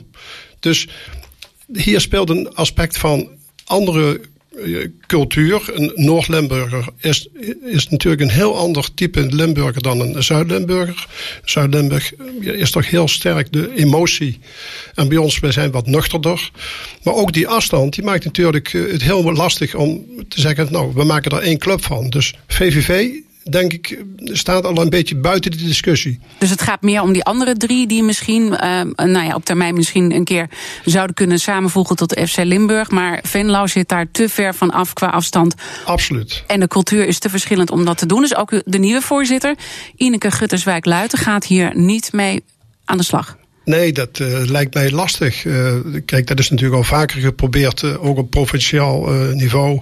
Er is van alles geprobeerd. Maar nogmaals, in het zuiden zou het best kunnen dat daar ooit een keer uh, iets, iets anders wordt beslist. Maar daar staan wij buiten. VVV is gewoon een club op zich, Noord-Limburg, met zijn eigen achterland, zijn eigen cultuur. Dus ik denk niet dat wij in die discussie zelf moeten gaan deelnemen ook. De nieuwe voorzitter is een vrouw. Ik noemde net al even haar naam. Eh, dat lijkt me toch wel bijzonder in de voetbalwereld. Eh, ik zat even te twijfelen, moet ik daar nou wel of niet naar vragen? Want je, ja, je, je drukt er ook weer zo'n stempel op om naar het vrouw zijn te vragen. Speelt dat een rol bij VVV? Nee, we hebben gewoon uh, voor onszelf gezegd van wij, stappen nu over van een stichtingsbestuur, stappen wij over naar een, ja, wij, worden een BV, zodat ook uh, uh, private investeerders kunnen deelnemen in de club. Dat zal op termijn zal dat een noodzaak blijken. dat betekent ook dat je raad van commissarissen krijgt die toch al een stukje verder van zeg maar de dagelijkse leiding afstaat. De, de rol straks wordt veel meer een stukje controle, uh, advies, uh, toezicht, uh, dan dat wij, zoals dat de laatste tien jaar toch wel vaker was, dat wij ook vaker insprongen, noodgedwongen, om zeg maar de, de, de dagelijkse leiding te de ondersteunen. De club is gewoon ook nu klaar voor die volgende stap, omdat het in die ja. financieel gezonde categorie die zit, de hoogste ook. categorie die je kunt hebben. Um, zij is gewoon de beste persoon op die absoluut. plek. Ja, absoluut. Kijk, Ineke Gutterswijk is uh, een telg van de, van de Valk-dynastie, zoals we zo mooi zeggen. Zij is ook actief binnen die uh, organisatie. Ze is daar CFO. Dus zij heeft ook kennis van zaken die met name te maken hebben met toezicht en financiën. En dat is natuurlijk binnen een betaald voetbalorganisatie is dat van, uh, van groot belang. Kijk, we praten altijd over het moeten voetbalmensen zijn. Maar als het gaat om het bedrijf VVV, dan heb je echt mensen nodig die verstand van ondernemer en ondernemerschap, uh, maar ook bedrijfseconomisch sterk zijn. En ik denk dat dat in, bij Ineke een bijzonder goede hand is. Dus dat ondernemerschap wat u bracht, dat moet er vooral blijven en vandaar deze schakel naar haar. Ja, ja. En dan Japan, want naast VVV is dat een grote liefde van Hai Berden. En die twee liefdes zijn vaak samengekomen. Zometeen meer. BNR Nieuwsradio. Hemmen. Mijn gast is Hai Berden. Hij is de voorzitter van voetbalclub VVV Venlo, maar hij neemt afscheid. In zijn 15 jaar als voorzitter heeft hij veel Japanse talenten naar Nederland gehaald. En dit is wel de bekendste. Zelf dan maar schieten. Honda, niet te geloven! Wat een werelddoelpunt. 10 miljoen moet die kosten. Nou, ik zou hem ophalen. Het is echt onwaarschijnlijk. Het kan helemaal niet. Goedemorgen. Laten we vooral opstaan en heel diep buigen voor Keiske Honda. Wat een voetballer. Het kan helemaal niet, dat geeft heel wat aan. En toch, uh, we moeten voor hem buigen, want hij heeft ontzettend veel gebracht. Wat heeft Honda VVV gebracht? Nou, in ieder geval, VVV is door honden nadrukkelijk op de internationale kaart gezet. Uh, een x aantal jaren geleden, toen hij naar ons toe kwam. Want hij maakte, vanaf het begin maakte hij indruk. En voor mij persoonlijk was dat nog niet alleen op het veld, maar ook daarbuiten. Ik heb hem altijd een beetje vergeleken met Kruif. Voor mij was hij de Aziatische Kruif, de rebel die toch vaak zijn eigen, uh, zijn eigen uh, pad volgde. Die tussendoor heel veel deed voor zijn omgeving. Ook Cruijff die heeft altijd geknokt voor betere voorzieningen voor de, voor de clubs, voor de spelers.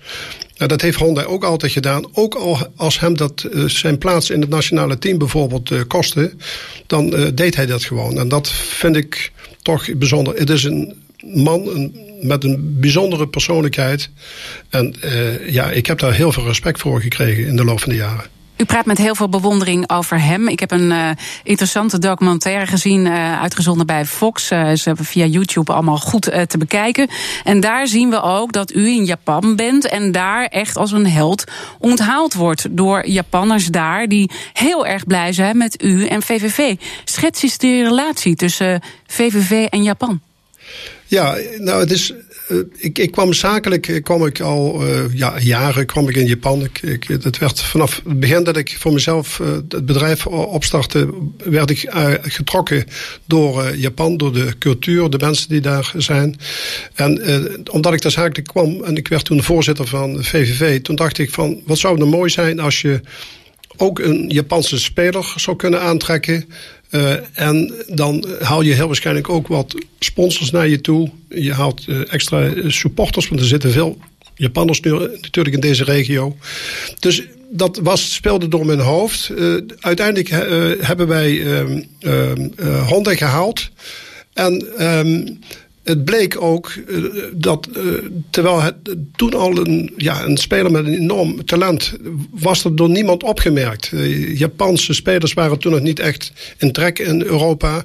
We hebben eigenlijk gezorgd voor een soort trendbreuk door die honden te halen. Daarna zijn er andere Japanners gekomen. Maar we hebben altijd tegen die Japanse spelers gezegd van luister, je kunt natuurlijk kun je naar een grotere club als VVV gaan, want wij zijn maar een kleine club. Maar als jij naar ons komt, ja, dan ga je in ieder geval één ding doen. Jij gaat spelen. Je kunt je in de, in de, in de kijker spelen. En wij kunnen voor jou die springplank zijn naar die grote club uh, in, uh, in Europa. Nou, en dat zijn wij uiteindelijk geworden. En door Honda, die dat ook altijd verkondigd heeft van hoe dankbaar dat hij ook richting VVV was zijn wij erin in geslaagd niet alleen Japanse, maar ook bijvoorbeeld uh, uh, spelers uit Afrika te halen die normaal nooit voor VVV gekozen zouden hebben. Dus het heeft ons echt op de kaart gezet. En dat helpt u in vergelijking met andere grotere clubs die dat niet op die manier hebben? Absoluut. Zoals gezegd, als je op dit moment zelfs nog in Japan komt en, en, en, je vraagt een speler van waar wil je naartoe, dan valt de naam van VVV heel vaak. Ja, je zou dan zeggen van uh, die, die, die kiezen ook voor de grote namen. Maar VVV doet er altijd in mee. Ja. Want ze weten gewoon dat ze bij ons maar die toch, stap kunnen maken. Sorry dat ik u onderbreek, maar ja. toch, uh, um, Japan uh, is nog niet zo heel lang met voetbal bezig. Zeker als je dat vergelijkt met Nederland. Zijn die spelers daar überhaupt belangrijk voor het Nederlandse voetbal om dat groter te maken? Nou, kijk, Japan heeft natuurlijk op dit moment een uh, team dat zit niet zoveel meer achter uh, Nederland op de, op de FIFA-ranglijst. Kijk, Japan was altijd een, een, een, ja, er waren spelers die waren technisch goed, zeer vlijtig. Maar tactisch liepen ze wat achter. Maar er zijn ook steeds meer buitenlandse trainers naar Japan gegaan. die hun geleerd hebben dat je ook vooral tactisch sterk moet zijn. En dat begint daar heel langzamerhand, heeft zich dat ontwikkeld. Japan is al een hele tijd in Azië het, het grootste voetballand. En de, en, de, en de fans die zijn, nou, die, die, die zijn zo fanatiek. Dus dat ontwikkelt zich nu vanzelf. Je ziet ook dat uh, in ander verband, dus even los van voetbal, mensen steeds meer uh, naar Japan op vakantie gaan. Hè. Ik hoor het heel veel mensen nu zeggen. Mensen zijn steeds meer gefascineerd van Japan. Ook de manier van leven, de manier van voeding. Uh, nou, u dus ook met het voetbal. Wat, wat fascineert u aan Japan als het gaat om zaken doen als ondernemer? Want dat bent u natuurlijk in wezen. Ja, nou, zakelijk gezien, kijk, een Japanse klant, die kun je krijgen vooral door vertrouwen te wekken. Heel vaak krijg je een klant door introductie van een andere Japans uh, bedrijf.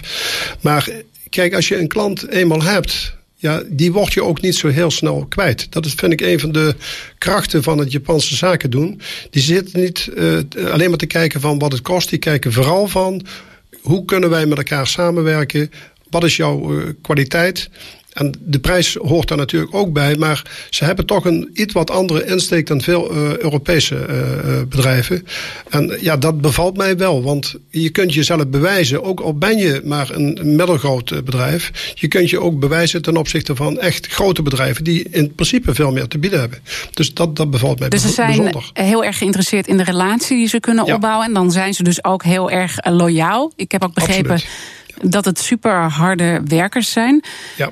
Bent u niet bang nu iedereen een beetje Japan uh, ontdekt en, en steeds meer daar naartoe gaat, dat dat ook een beetje verdwijnt? Omdat ze misschien wel ook besmet worden door hoe wij uh, zaken doen? Ja, ik denk die kans die is wat kleiner dan bijvoorbeeld China, want Japan is een eiland. En het typische van eilandbewoners is dat ze toch vaak vasthouden aan hun eigen cultuur. Kijk maar eens naar Engeland.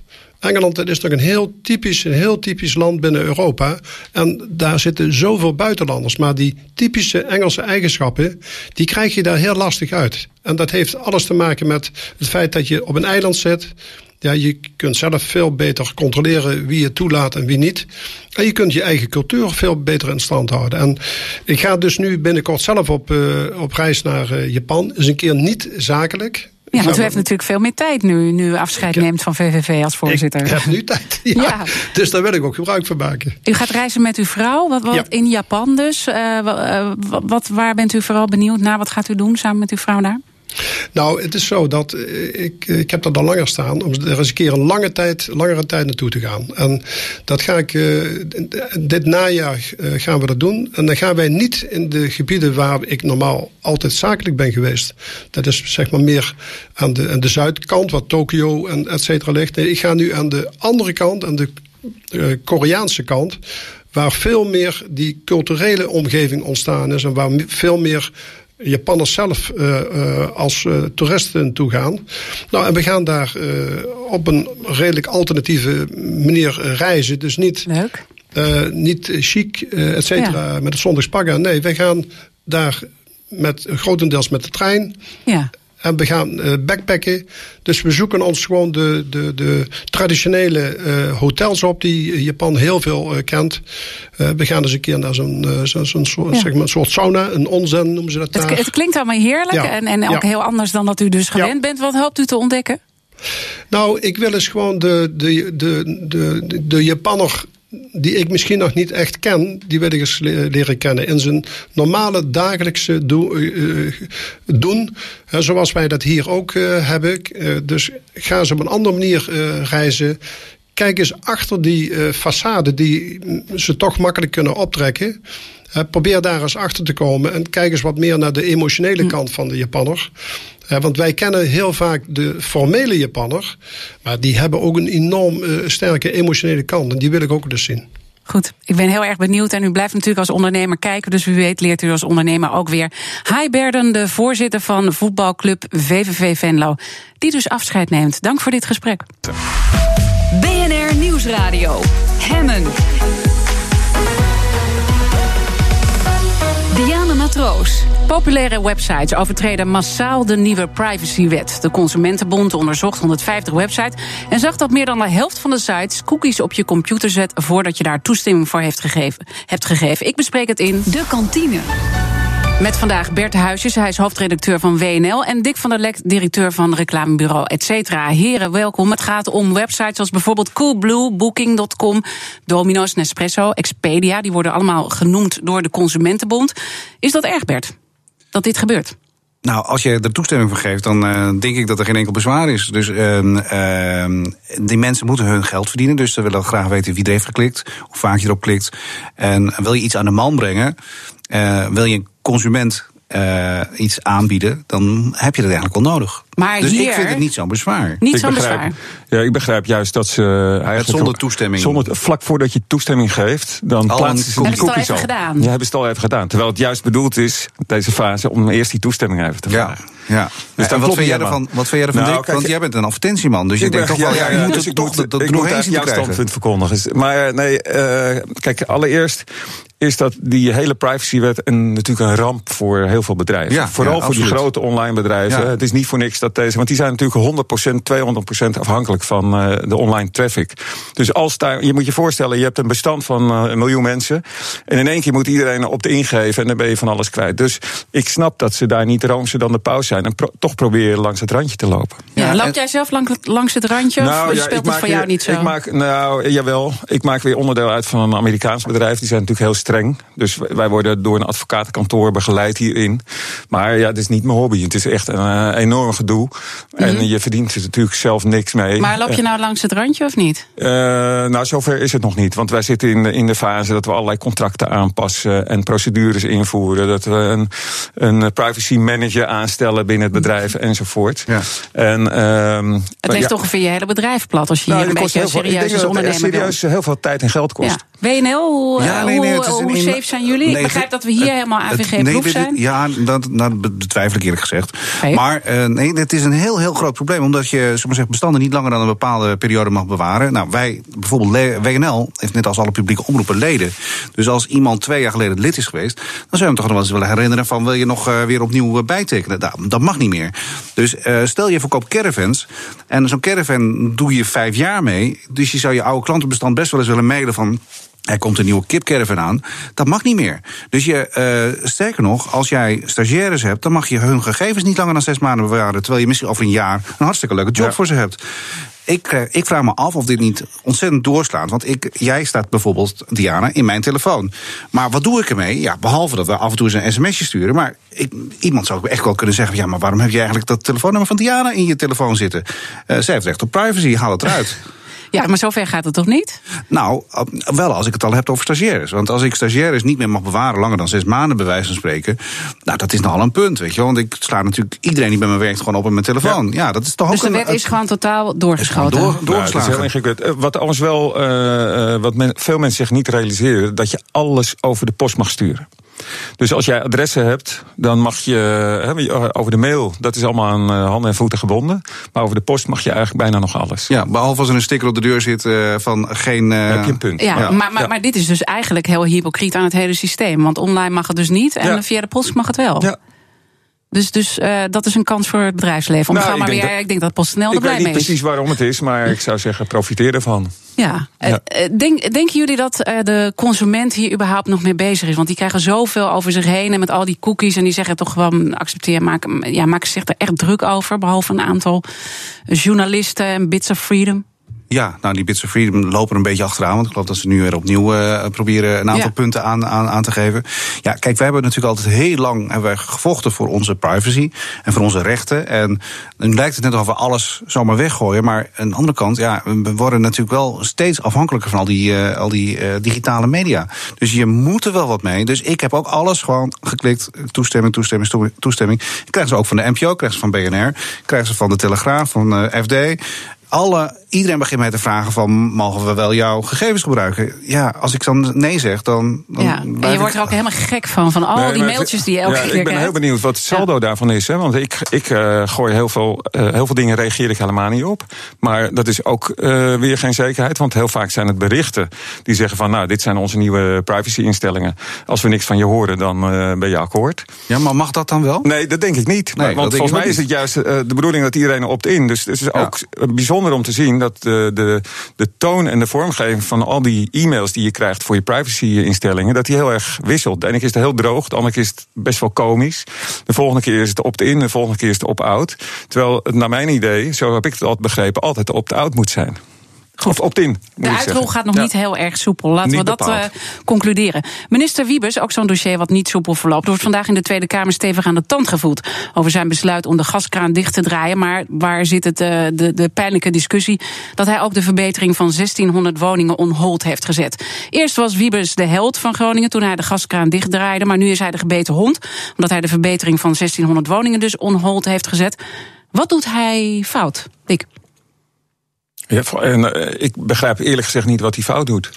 nee, want hij heeft, een, uh, nee, maar ik vond, ja. het altijd, uh, ik vond het eigenlijk altijd een kwiebus. En toen ging hij in één keer heel heldhaftig optreden om, om die gaswinning voor 2020 in één keer zwaar, zwaar terug te dringen. Dat deed hij met strakke hand. en nu heeft hij alleen gezegd van ja, ik ga nu zo hard dat het best zou kunnen zijn dat een aantal woningen helemaal niet beschadigd raakt. Dus waarom zou ik die op voorhand allemaal moeten verstevigen? En hij heeft volgens mij maar twee maanden tijd voor gevraagd. Hè, om dit eventjes te dus, bekijken. Dus, dus eigenlijk uh, zie jij het probleem nee, niet. Maar. Uh, Bert? Nee, ik, uh, daarom is het ook niet zo. ik moest een beetje lachen, want jij zegt precies wat ik namelijk ook wilde zeggen. Ik vind dit namelijk gezond verstand, wat hij, wat hij doet. Ik bedoel, stel nou dat je, met, omdat je die gaswinning zo hard hebt teruggebracht... dat je heel weinig kans nog hebt op aardbevingen. Waarom zou je dan dat hele gebied gaan versterken? Dat, dat, dat, kost, dat kost zo verschrikkelijk veel. Uh, bovendien, dit corrigeert zichzelf wel. Als er nu opnieuw een grote aardbeving komt... dan zullen die huizen alsnog wel worden verstevigd, neem ik aan. Ja, maar, maar je gaat als... er toch niet geld tegenaan gooien terwijl je denkt van Nee, nou... maar dit is wel een cruciaal. Als er een nieuwe aardbeving komt, dan gaan ze het wel verstevigen. De ellende die Groningen al heeft gehad. Ik bedoel, realiseren we ons hier genoeg op afstand hoe erg dat is? Ik bedoel, Ik het zal jouw huisje maar zijn, eh, Bert. Nee, ik heb er ook een paar ontroerende documentaires over gezien... van die mooie boerderijen die Ja. er, eh, tegen de vlakte gingen. Maar aan de andere kant, we hebben er echt onze hele welvaartsstaat op gebouwd. En, eh, Maar wel ten koste van Groningen. In- ten koste van een deel van Groningen. Het zijn een aantal dorpen. En we hadden ook die mensen in die dorpen gewoon allemaal een miljoen kunnen geven. En eh, kunnen vragen van zoek een heel mooi huis elders in het land. En dan laten die bodem nog steeds verder inklinken. Dan maken we er straks een mooi merengebied van. Maar dat klinkt niet populair als ik dat zeg. Want dan Nee. krijg ik alle boze Groningers natuurlijk in mijn nek. Maar ik bedoel, dat is dus niet gebeurd. Maar, Maar die voelen zich echt genaaid in Groningen. Die, die, hebben echt zoiets, ook dat dit weer gebeurt. Eh, ze hadden met, met Kamp zoiets van, eh, in ieder geval de man wat hij zei, dat kwam je ook na. Nou, Nou, Wiebes belooft dingen en trekt ze weer terug. Nee. Ja, dat wekt geen vertrouwen. Nee, hij heeft de gaswinning heeft hij bijna volledig ja, teruggebracht. oké, maar het gaat nu even die pijn met die 600... Nou, alles wat ze al hebben meegemaakt, hè? Ja, maar moet je dan huizen gaan verstevigen terwijl er toch een aardbeving waarschijnlijk meer komt? Ja, hij vraagt onderzoek nu. Hè. Dus eh, als het zo is dat het onderzoek zo uitwijst dat het onzin is wat hij had gedacht, namelijk dat, het, dat, er door die, dat er door minder gaswinning minder aardbevingen zijn en dus minder verstevigd hoeft te worden, dan zal hij na de zomer het alsnog gaan doen. Ja, maar dat, maar, maar eh, dat is wel lastig als je in Groningen Als je in woont. Groningen woont. Eh, eh, verplaats je even en dat dan Ja. even je het weer het onderzoek moet afwachten, weer onzekerheid hebt, weer onhond staat. Hoe, hoe moet Wiebes dit nou op de goede manier doen? Hij Om doet ook die het Groningers mee. Ja, maar hij doet vinden- het op de goede manier. Ik bedoel, Kijk, Ja, als je zo'n groot deel van. Nederland boos maakt, is dat dan goed? Nou, ik, ik, ben, ik ben niet boos op wat Wiebes doet. Moet nee, oké, maar jij Dus komt niet uit deel- Groningen. Nee, maar Groningen hoort ook bij Nederland. Die moeten we natuurlijk wel Zeker, betrekken en wel serieus maar, nemen. Ik weet niet of hij het goed heeft er uitgelegd. Er is natuurlijk wel een heel groot gebaar al gemaakt. Ik bedoel, die hele, er, er wordt een enorme kostenpost genomen om dit te herstellen voor de Groningers. En dat is niet, niet een klein beetje. Dit gaat om vele, vele miljarden. Die we allemaal elders zullen moeten gaan betalen via eh, belastingen, eh, andere inkomsten gaan genereren. Dus het gebaar wat hij heeft gemaakt was al heel groot. Dat hij zegt van nou. Even on hold, want we versterken nog niet alle huizen. Nou, dat vind ik eigenlijk een hele logische gedachte. Ik bedoel, laten we eens even zeker weten wat er aan de hand is. Ik denk dat Groningen misschien ook zelf beter het verhaal moet vertellen, zodat we ook beter snappen wat Mis- daar gebeurt. Ja, Want dat doen ze weer- misschien nog Misschien niet moeten zo we weer goed. bij Pauw gaan zitten. Onze huisjes eh, moeten... Eh, een voorstel. Eh, laten we eventjes gaan schakelen naar Amerika. eh, want daar zijn reclamebureaus begonnen met een campagne tegen wapengeweld. Een soort sierencampagne met de titel Fight Gunfire with Fire. En jij wilt het er graag over hebben, Dick. Ja, nou, dat vond ik wel een sympathiek gebaar. We hebben het allemaal over participatiemaatschappij. Maar ja, dat is het verschil tussen roepen en doen. En dit is dan een lekker gevalletje van doen. Want daar zijn twee bureaunetwerken, de One Club en Mullen Low. Die hebben de handen in elkaar geslagen. En ja, die hebben hun hulp aangeboden om campagne te maken. Dus al die duizenden studenten die daar protesteren... die krijgen nu eigenlijk een platform hè, van deze mensen... om hun mening eh, te etaleren. Ze hebben dus een spotje gemaakt waarin je in het begin ook alarmgesprekken hoort over shootings. Laten we even luisteren.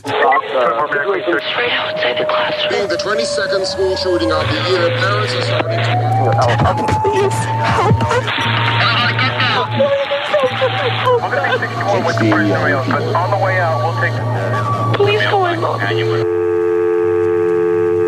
Dit, dit is dus het begin eh, Ja. wat je ziet in de spot. Hoe, gaat hoe gaat het verhaal verder?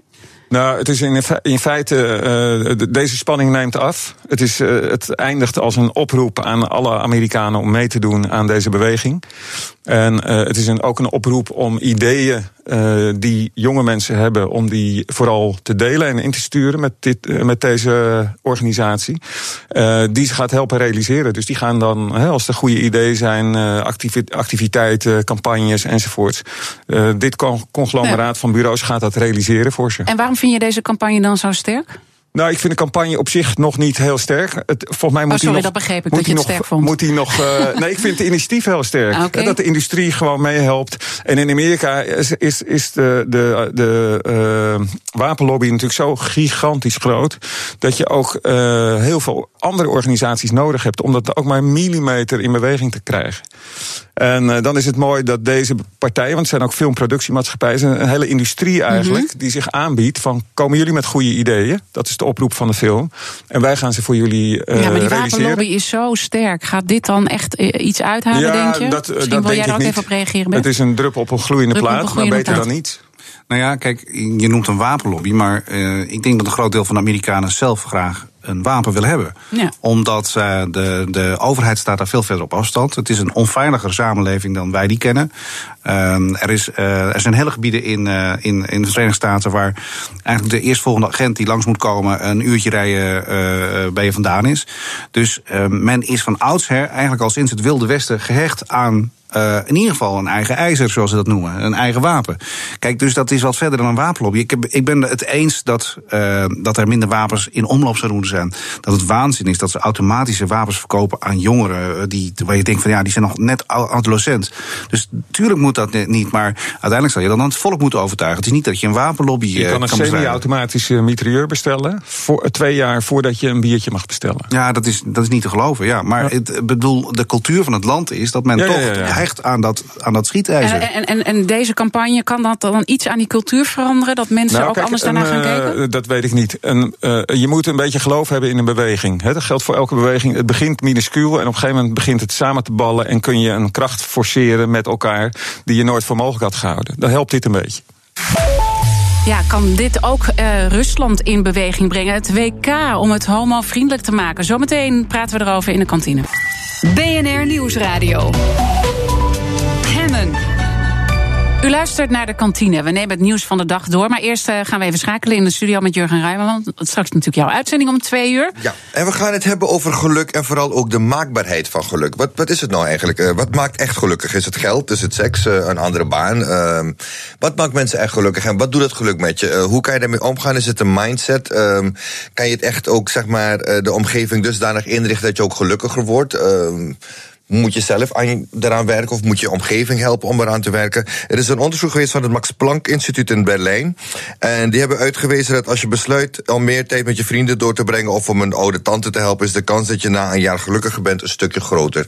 Dus uh, ja, we hebben heel wat vragen waarmee Ja. we zitten over Wat maakt geluk. jou gelukkig eigenlijk? Wat mij gelukkig maakt, uh, ja, ik heb, ik, ik heb gemerkt dat het, de kleine, dat het de kleine dingen zijn. Mijn omgeving, mijn vrouw, mijn kinderen. Mijn hond maakt me intens gelukkig als ik thuis kom. En uh, ja, elke dag gewoon iets, iets leren. Dat maakt mij heel gelukkig. Elke dag gewoon ervoor me ertoe brengen dat ik elke dag ietsje slimmer ga slapen. Dus daarom dat ik ook dit programma doe, Ask Me, Me Anything. Want dan leer ik elke dag wat en daar word ik gelukkig van. Uh, goed, maar ook, de- maar ook je vrouw is eh, heel erg belangrijk voor jouw geluk. Hè? Jij noemt heel vaak. Ja, eh, je bent altijd eh, gek op haar. Maar neem ons even mee wie je nog meer als gast hebt. Ik heb vandaag als gast in de studio Patrick van Hees. Hij schreef drie boeken, waaronder De Geluksprofessor en Geluk is Dom.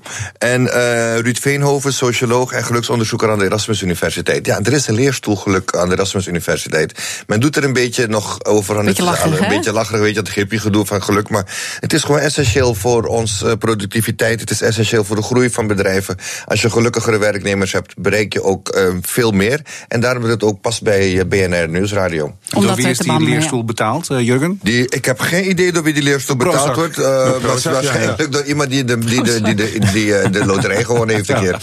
Een geluksvogel. Wat vinden jullie van dit thema geluk? Want uh, ik bedoel, jij kan me ook voorstellen in uh, reclames gaat dat ook, uh, denk ik, ook belangrijker wij- worden. wij- wij- ik heb onze directie ooit eens langs de coach gehaald. En er zat ook een soort gelukscoach eh, bij. En eh, toen had ik met mijn vader erover. En die zegt, eh, wat een onzin. eh, je moet, moet gewoon brood op de plank. Ja, Eh, je dit, is, al- dit is al wel twaalf jaar geleden, denk ik. Ik denk dat het eh, cruciaal is. Hè, Dat, eh, de, de manier waarop je met elkaar praat en eh, eh, dingen maakt. Ik denk wel, eh, ons geluk hè, in de reclamebranche komt heel erg uit dat je dingen maakt. Hè, dat je begint met een leeg Mhm. vel en uiteindelijk maak je iets. En dat is leuk of niet leuk. Maar je hebt altijd, elke, elke dag heb je iets Maar, gemaakt. maar, maar maak je die reclames nu ook dat geluk daar meer een onderdeel van vormt? Ja, n- ja, nee. Nee, dat is niet, Nou, maar je eh, wel dat is niet het doel op zich. Het is niet het, maar je hebt wel zoiets van dat je als je een reclame maakt, dat je daarbij de klant probeert te overtuigen dat hij wel gelukkiger wordt als hij dat product Ja, eh, aanschaft ja, wat jij verkoopt. dat- dus, die eh, truc Op die manier, die die, eh, je verkoopt eh, wel geluk op de ja. Ik een reclamebureau dat als je dit koopt, word je echt miserabel. Je wordt, je wordt, word je Eigenlijk, twee keer zo eigenlijk, is, gelukkig. Ja, precies. eigenlijk is Dick gewoon een soort geluksprofessor. Zo is Misschien, het. Ja, hè? Ja. Geluksleverancier, We eh, we gaan geluksleverancier. straks naar je luisteren, want Jurgen, ik heb nog heel veel onderwerpen te bespreken. Ik weet niet hoe Ik ik dit het ga door, ja. Je hebt ook twee kanjers, dus ik laat je rustig in de kantine. Geniet jullie flink en eh, ik ga lekker gelukkig doen zometeen. Trouwens, als mensen willen reageren, doe het via Twitter, BNR, via Facebook. Je kan mijn WhatsApp, het nummer staat op bnr.nl. Of een mailtje sturen naar askme.bnr.nl. Maar Diana, je weet het, bellen is leuk. Altijd het leukste. 020 468 4 Ja, over eh, gelukkig eh, worden gesproken. Misschien toch nog eventjes leuk om in de Verenigde Staten te blijven. Want twee dingen die op het eerste gezicht niks met elkaar te maken hebben, maar toch wel eh, iets laten zien aan de veranderende positie van vrouwen, is dat Heineken benoemt eh, een vrouwelijke CEO in Amerika. En de verkiezingen voor Miss Amerika die zijn veranderd. Namelijk het bikini-onderdeel is geschrapt. Om te beginnen met het bikini-onderdeel. Goed idee dat dat verdwenen is? Nou, Of ja, is het overdreven, vinden jullie? Ja, ik weet het eigenlijk niet. Eh, ik, ik, eh, ik vond het altijd een, eh, als ik er naar kijk, een rare vertoning. Want het was, er was al een soort omslag dat de inhoud ook steeds belangrijker werd. En dan zag je van die lieve dames, prachtige dames, die dan vertellen dat ze, dat ze het helemaal niet eens waren met het smelten van de Noordpool en dat soort dingen.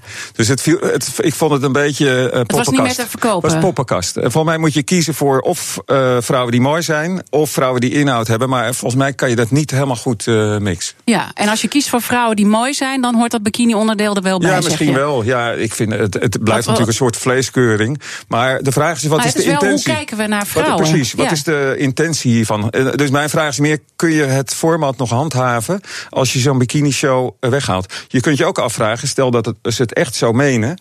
eh, zou je er dan ook een radio-uitzending van kunnen maken... In, van, in plaats van een televisieshow? Want dan laat je echt zien dat het je mening is. Niet om, om dat niet om een uiterlijk bikini, draait. nee. Ja. Nee, wat, wat, wat vind jij, Bert? Nou, oeh, dit, ik vind het een moeilijke, Diana. Ja, Kijk, je- als mensen uit vrije wil eraan meedoen... en mensen zitten op vrije wil in het publiek en in de jury... dan heb ik er geen probleem mee. Want dan is het, nou, doe lekker wat je zelf wil. Maar eerlijk gezegd, als je maar echt in mijn hart kijkt... vind ik het echt heel raar dat wij jonge dames op een rij zetten... met allemaal lange benen en eh, borstpartijen, eh, mooie haren... en dat je gaat uitkiezen welke dan de mooiste is. Ik vind dat meer iets passen bij poedels of zo. Of bij konijnen. Weet je wel, het is echt iets. Ik vind het vind een je beetje. niet meer van deze tijd? Ik vind het een beetje Nee. on- onmenselijking van, van, van de vrouw. Eerlijk Ja. gezegd. Want ik bedoel, ze staan er toch gewoon als een soort, soort voorbeeldje. En, en mensen die dan er niet zo uitzien, die moeten zich natuurlijk heel schuldig gaan voelen. Denk ik dan zomaar. Weet je wel? En het zijn bovendien, het is altijd een uitsnede van schoonheden. die dan door een bepaald soort mensen heel knap wordt gevonden. Maar er zijn zoveel knappe mensen. Weet je wel? Er zijn ook eh, hele knappe dikke Mhm. mensen. Die zie je er niet tussen staan. Er zijn ook hele knappe korte mensen, knappe lange mensen.